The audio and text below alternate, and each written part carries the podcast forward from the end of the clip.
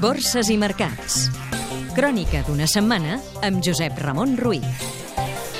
Les borses europees, tret del mercat espanyol, han tancat a l'alça una setmana farcida de resultats del primer trimestre i marcada pel començament del procés de liberalitzacions del nou govern xinès, per la bona marxa d'una economia alemanya que supera expectatives i pels nous màxims històrics del Dow Jones i l'Standard Poor's 500 a Wall Street i del DAX alemany.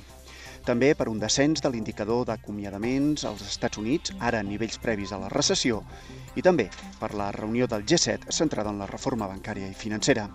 Aquí, la setmana que el Tresor ha captat 4.574 milions d'euros, superant l'objectiu màxim previst en bons i obligacions a 3, 5 i 13 anys i pagant els interessos més baixos en 3 anys, l'IBEX 35 ha tancat pla del tot, s'ha situat en els 8.544 punts, amb la prima de risc estable i després que el president del govern espanyol, Mariano Rajoy, ha explicat en el Congrés el nou pla de reformes i el programa d'estabilitat per al període 2013-2016.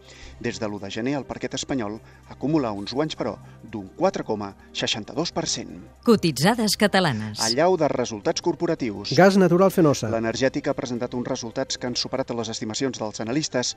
Ha guanyat, de gener a març, 411 milions d'euros, un 1% més que ara fa un any, gràcies a l'activitat exterior. El mirall. Els laboratoris han obtingut uns beneficis de 10 milions d'euros, un 44% menys respecte al primer trimestre de l'any passat. Fluidra. També ha publicat xifres de negoci de gener a març. Ha incrementat les pèrdues fins als 2,2 milions d'euros. Welling. Augmenta els números vermells. Ha perdut fins al març gairebé 20 milions. Fer-se energies renovables. Ha guanyat en el primer trimestre 11.000 euros davant del milió de pèrdues d'ara fa un any. Doji.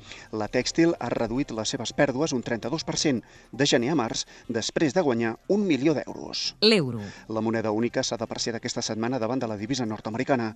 Aquest divendres, el Banc Central Europeu, que està preparat per tornar a actuar, n'ha fixat el seu canvi oficial a 1,3988 unitats. El petroli. El futur del barril de cru tipus Brent, el de referència a Europa per a fixar el cost dels combustibles, s'ha mantingut estable al voltant dels 103 dòlars de mitjana enmig d'una elevada oferta i una dèbil demanda. Vocabulari financer. Què és la solvència? És la capacitat financera que té una companyia per fer front als compromisos de pagaments amb els recursos que formen part del seu patrimoni.